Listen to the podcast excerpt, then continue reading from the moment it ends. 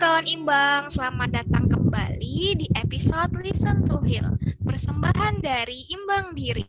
Bersama kembali dengan aku Hasna. Bagaimana nih kabar kawan imbang hari ini? Di bulan suci Ramadan tahun ini, semoga kita semakin produktif dan bersemangat dalam menjalankan aktivitas kita. Nah, ngobrolin soal produktif, pas banget nih sama topik yang akan kita bawakan hari ini, yaitu coping stress yang bisa mengganggu produktivitas kita. Nah, buat kawan imbang udah pernah denger belum tentang coping stress itu? Nah, daripada bingung-bingung, mending kita undang aja. Welcome Fahmi. Halo Hasna, halo juga kawan imbang. Halo, halo, selamat datang. Halo, halo. Boleh nih kenalan dulu sama Fahmi. Oh iya, halo kawan imbang. Sebelumnya perkenalkan ya, nama saya Muhammad Fahmi Fahrezi atau biasa dipanggil Fahmi, pakai E ya, Fahmi. saya merupakan alumni dari jurusan Psikologi Universitas Negeri Semarang. Gitu. Buat kawan imbang yang belum tahu nih, Fahmi itu mahasiswa prestasi di UNES. Oke, di episode kali ini kita mau ngebahas coping stress nih, Fahmi. Kita mau cari tahu menurut Fahmi coping stress tuh apa sih gitu. Boleh nih jelasin? Boleh boleh Hasna. Oke, mungkin sebenarnya aku mungkin sedikit meralat ya yang Hasna tadi bilang di awal ya.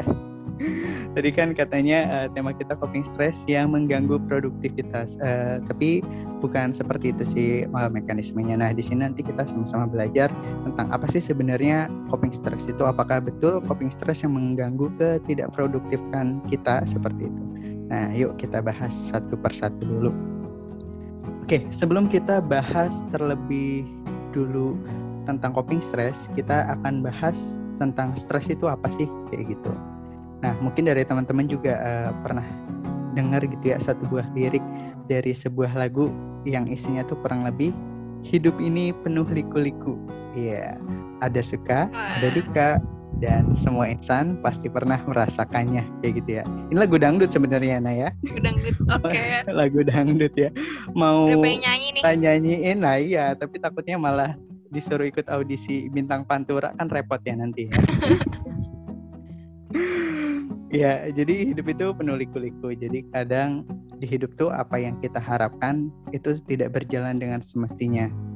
Eh, terus eh, yang tidak berjalan dengan semestinya itu bukan melulu tentang rencana-rencana kita ya tapi bisa juga ancaman-ancaman. Kalau di zaman dulu itu ancamannya kan berupa binatang buas, kemudian ada juga kejadian alam dan lain sebagainya. Nah itu yang akhirnya eh, tubuh itu eh, bereaksi gitu ketika ada sesuatu yang menekan, yang berbahaya, yang tidak sesuai dengan apa yang kita harapkan. Nah itu yang kemudian kita sebut sebagai stresor. Dan ketika ada stresor, maka secara otomatis tubuh kita itu memasuki apa yang dinamakan dengan mode stres kayak gitu. Kemudian apa sih yang terjadi ketika seseorang itu stres? Nah, ketika seseorang itu stres, si tubuh itu akan memproduksi hormon-hormon tertentu atau bisa biasa dikenal tuh uh, dengan hormon stres. Ada hormon kortisol dan juga hormon uh, adrenalin. Nah, kemudian apa dampaknya dari hormon-hormon tadi?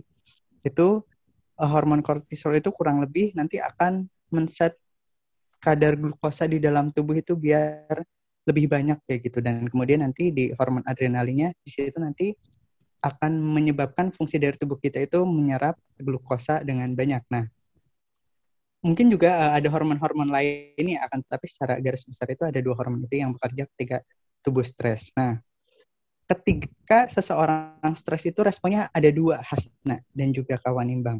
Di Gimana tuh? sini responnya itu ada fight or flight. Jadi kita ini akan menghadapi atau menghindari dari stresor yang datang sama kita. Kayak gitu.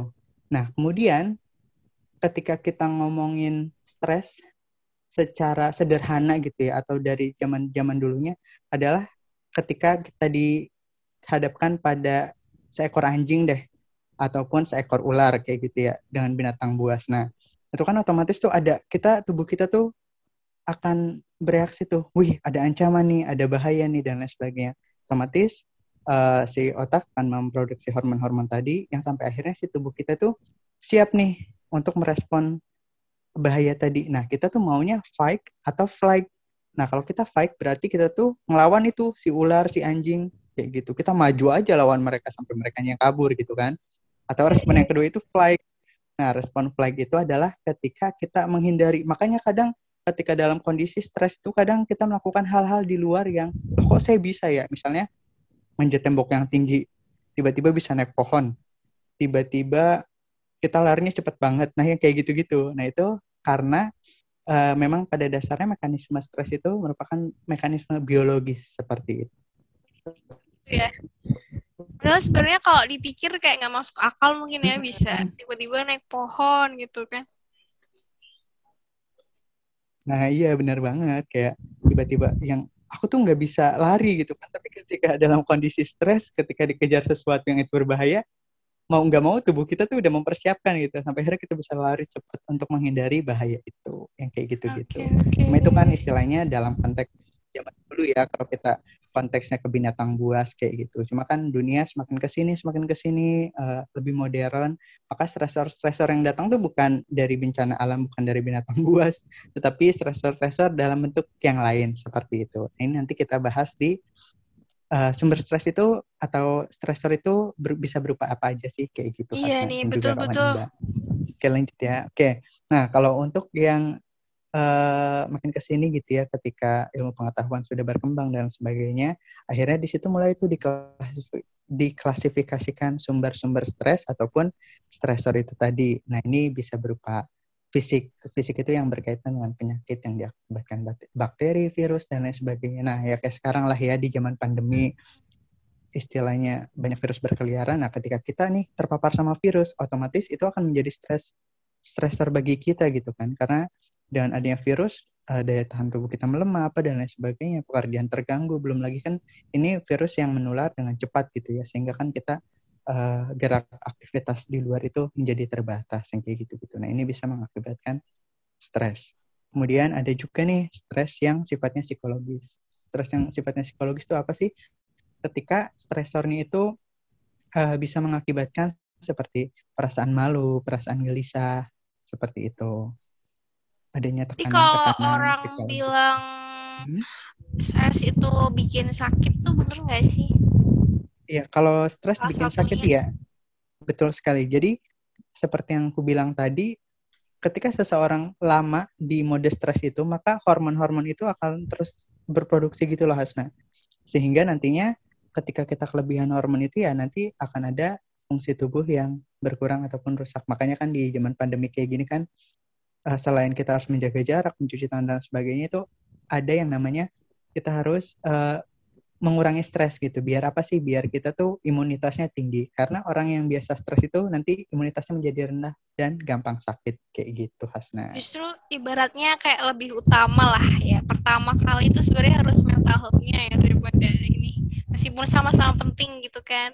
Iya betul. Jadi istilahnya selain kita menjaga jarak, mencuci tangan, menjaga kesehatan mental itu yang penting. Dan itu yang bisa dibilang ya utama juga kan. Karena percuma juga sih ketika kita jar jaga jarak dan sebagainya ketika kitanya stres malah yang ada kita juga bisa sakit. Ya mungkin sakitnya bukan karena virus yang sekarang lagi ada gitu ya ataupun sakit-sakit lain kayak nantinya tiba-tiba pusing mual-mual muntah-muntah dan lain sebagainya yang kayak gitu-gitu. Oke, nyambung lagi nih ke coping hmm, stress. Boleh apa sih hubungannya stres sendiri sama coping stress? Apa coping stress tuh kayak stres yang ditambah-tambah gitu atau gimana? Apa kayak kita fotokopiin si stres itu jadi makin banyak? Ya gimana sih itu sebenarnya? Aduh repot ya ketika kita bilang coping stress itu memfotokopi stres ya yang ada. Oh.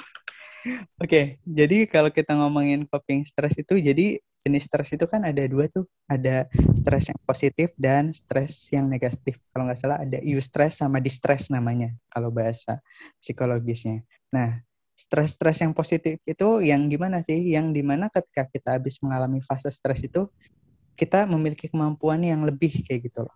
Ketika menghadapi hal yang sama ya udah kita udah ada pengalaman jadi yang awalnya itu bisa menjadi sumber stres tapi ketika datang kedua kali ketiga kali kita itu lebih lebih apa ya bahasanya tuh lebih gampang lah melewati uh, situasi stres itu. Nah, kemudian ada juga nih stres-stres yang sifatnya itu negatif ya ke kitanya. Misalnya kayak contohnya kejadian kejadian-kejadian yang emang itu nggak kita inginkan sama sekali gitu loh. Bisa mungkin, uh, mohon maaf gitu ya, uh, kasus pemerkosaan atau kasus kekerasan ataupun mungkin apa namanya uh, kejatuhan miskin atau gimana yang kayak gitu-gitu itu akhirnya bisa menjadi trauma tersendiri sih yang kayak gitu karena kan uh, bisa dibilang itu level stresnya udah udah lumayan berat gitu ya sehingga seseorang itu menjadi mudah tertekan. Nah terus penting juga nih untuk teman-teman dari kawan imbang sendiri bukan berarti dengan adanya pembicaraan ini kita tuh uh, bikin teman-teman anti stres gitu ya udah nggak stres-stres lagi karena sebenarnya bahaya tuh Hasna kalau yang udah kayak gitu-gitu. Karena emang mekanisme stres itu memang harus dimiliki sama setiap orang kayak gitu. Sekarang normal bayangin ya, deh ya, ketika sebenernya. kita ada di satu kondisi. Ah, normal banget. Jadi ketika ada di satu ya. kondisi yang tertekan ketika kita stres manusiawi. Malah ketika dia nggak stres ya kita mempertanyakan dia masih manusia apa enggak kayak gitu loh. Kemudian sambungannya dengan coping stress. Jadi coping stress itu bukan seperti mesin fotokopi ya yang bikin stresnya tambah banyak, bukan. Tapi coping stress itu cara kita bagaimana menyesuaikan diri dengan situasi-situasi yang menekan, yang berbahaya atau situasi stres tadi. Jadi coping itu istilahnya gimana kita bisa adaptif kayak gitu ya. Laksana kalau kita perang tuh coping tuh amunisinya Hasna. Senjatanya kayak gitu. Terus uh, bentuk coping stress tuh apa aja sih, Fami? Iya, kalau secara uh, yang aku tahu gitu ya, secara umum gitu, setidaknya ada dua nih jenis uh, coping stress yang biasa umum kita temui. Yang pertama itu emotional focus coping dan juga problem focus coping. Nah, emotional focus coping itu gimana sih? Nah, jadi emotional focus coping adalah seperti itu tadi. Misalkan kita dihadapkan pada situasi yang menekan, yang berbahaya dan lain sebagainya, itu kan kita tuh otomatis pikiran udah gak karuan kan, kayak uh, kehilangan arah dan lain sebagainya, mungkin bete, bad mood dan lain sebagainya. Nah, orang yang emotional fokus coping, dia tuh menyelesaikan masalah-masalah itu tadi dulu di dalam dirinya, ketimbang fokus kepada masalahnya.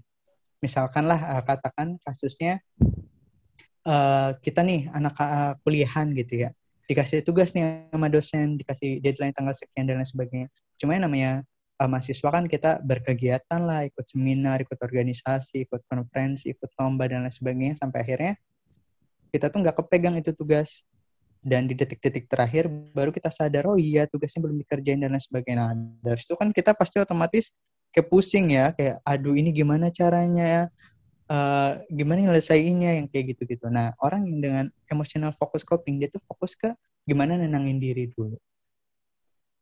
Kayak gitu. Jadi biar yaudah deh uh, aku bakal makan dulu. Ya udah deh aku bakal tidur dulu atau mungkin uh, untuk laki-laki apa gimana gitu ya. Ya sebat dulu lah, ya minum-minuman apa gimana dan lain sebagainya. Nah, akhirnya emotional focus itu menjadi kurang efektif karena itu hanya uh, apa ya menyelesaikan masalah emosional uh, dengan apa ya istilahnya sementara kayak gitu. Belum lagi ketika kita di apa namanya dipengaruhi sama obat-obatan atau doping-doping dari luar gitu ya yang akhirnya itu bisa bikin kecanduan kayak gitu. Nah, berarti kalau misal nih, hmm, uh, boleh? Berarti kalau misal aku kayak lagi stres banget sama tugas gitu terus aku hmm. milih tidur aja lah dulu kayak gitu masuknya emotional focus coping ya Iya betul banget. Karena kan dengan tidur istilahnya mungkin dari Hasna uh, ngerasa lebih segar dan lain sebagainya. Cuma secara kenyataan kan tugasnya masih belum dikerjakan kan? Iya, iya nggak? banget. Habis itu habis itu stres lagi nih. Habis itu nah. oh, tugas aku belum kerjain. Iya. Terus tiba-tiba ya udah biar nggak panik, ya udah nyeblak dulu deh gitu ya, nyeblak ceker kayaknya enak nih yang pedes gitu kan. Wah, Kira makan iya seblak sih. gitu kan. Kok udah jadi lapar ya? langsung lapar ya. Nah terus akhirnya lu uh, apa tuh udah tuh diri jadi tenang. Cuma kan balik lagi itu hanya menenangkan diri saja. Si tugas masih belum dikerjakan. Aja Mohon ya. maaf. Iya, seperti hmm. itu. Yang kayak gitu. Nah, sehingga yang satunya itu ada yang namanya problem focus coping kayak gitu. Jadi problem focus coping itu jenis coping yang memang kita uh, langsung tipe penyelesaiannya langsung pada masalahnya. Oke, saya mendapat ancaman apa atau mungkin ada kondisi apa gitu yang membuat diri saya stres. Oke, masalahnya ini saya harus melakukan apa, nah itu langsung dikerjakan. Nanti uh, orang yang problem focus coping ya akhirnya masalahnya selesai dan ya udah kayak gitu. Kalau Fami sendiri nih lebih ke emosional apa ke problem fokus?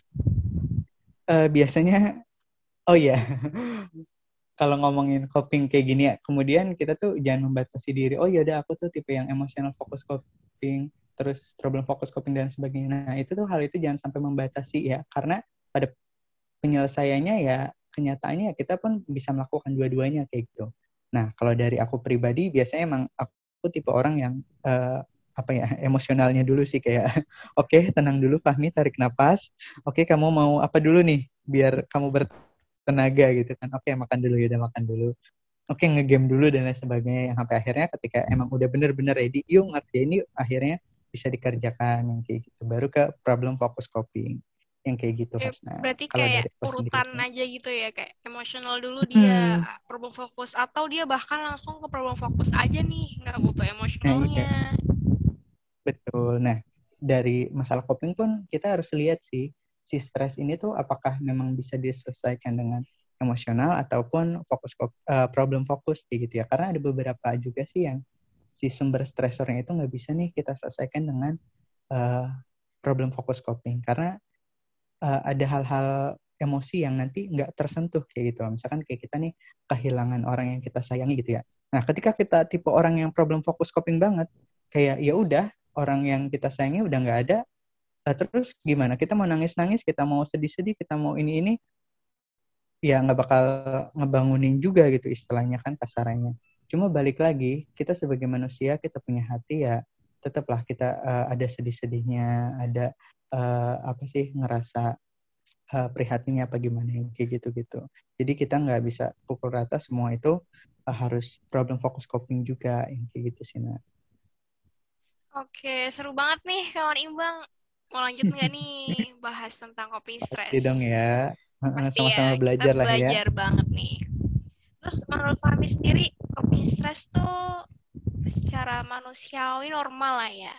Apakah itu ada dampak positif negatifnya gitu kira-kira? Iya, jadi kalau kita ngomongin uh, dampak gitu ya dari coping, nah ini memang dampaknya positif banget gitu loh.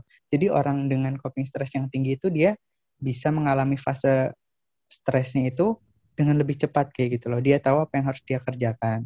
Nah, ketika kita nih nggak aware nih sama uh, coping itu tadi, bagaimana cara kita menyesuaikan, itu secara nggak langsung kita tuh menumpuk stres loh.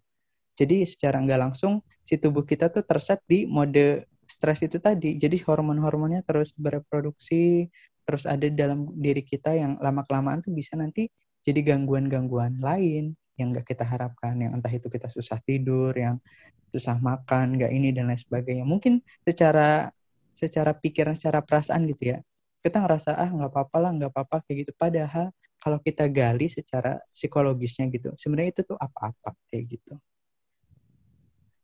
Oke, banyak nih, apalagi kawan imbang pertama aku sendiri nih. Kita tuh nggak sadar kita tuh lagi stres gitu. Nah. kayak kita tuh nggak ngerti nih harus kayak gimana gitu. Nah, betul banget. Kalau menurut Fahmi sendiri kita harus ngapain nih kira-kira? Nah, yang pasti harus follow imbang diri ya. Karena kan di situ kan banyak info-info tentang tentang tentang ini ya apa namanya hal-hal pengembangan diri lah gitu.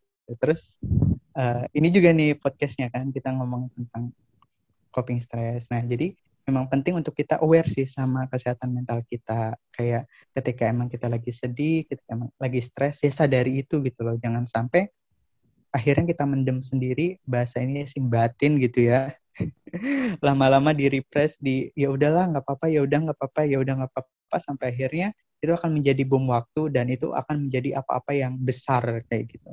Nah terus kalau kayak gitu yang rugi siapa? Ya kita kita sendiri kayak gitu. Mending kalau yang rugi kita sendiri. Nah kalau sampai bawa keluarga, bawa teman dan lain sebagainya, nah itu kan yang bikin repot gitu ya. Nomor satunya itu aware, ya kan ya, sama Betul. mental health. Betul, kata kuncinya aware sama mental health.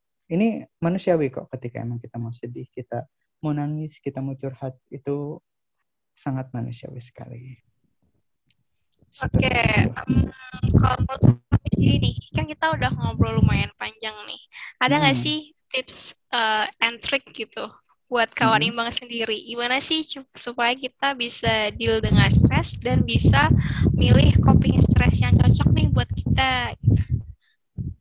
Iya, oke. Okay, kalau untuk dari cara deal dengan stres itu sendiri ya itu tadi tentang uh, awareness kita, kesadaran kita terhadap uh, mental kita. Ketika memang ada situasi yang stres ya udah kita bilang aja kita lagi stres. Nggak usah yang ah ya udah deh nggak apa-apa. Ah ya udah deh.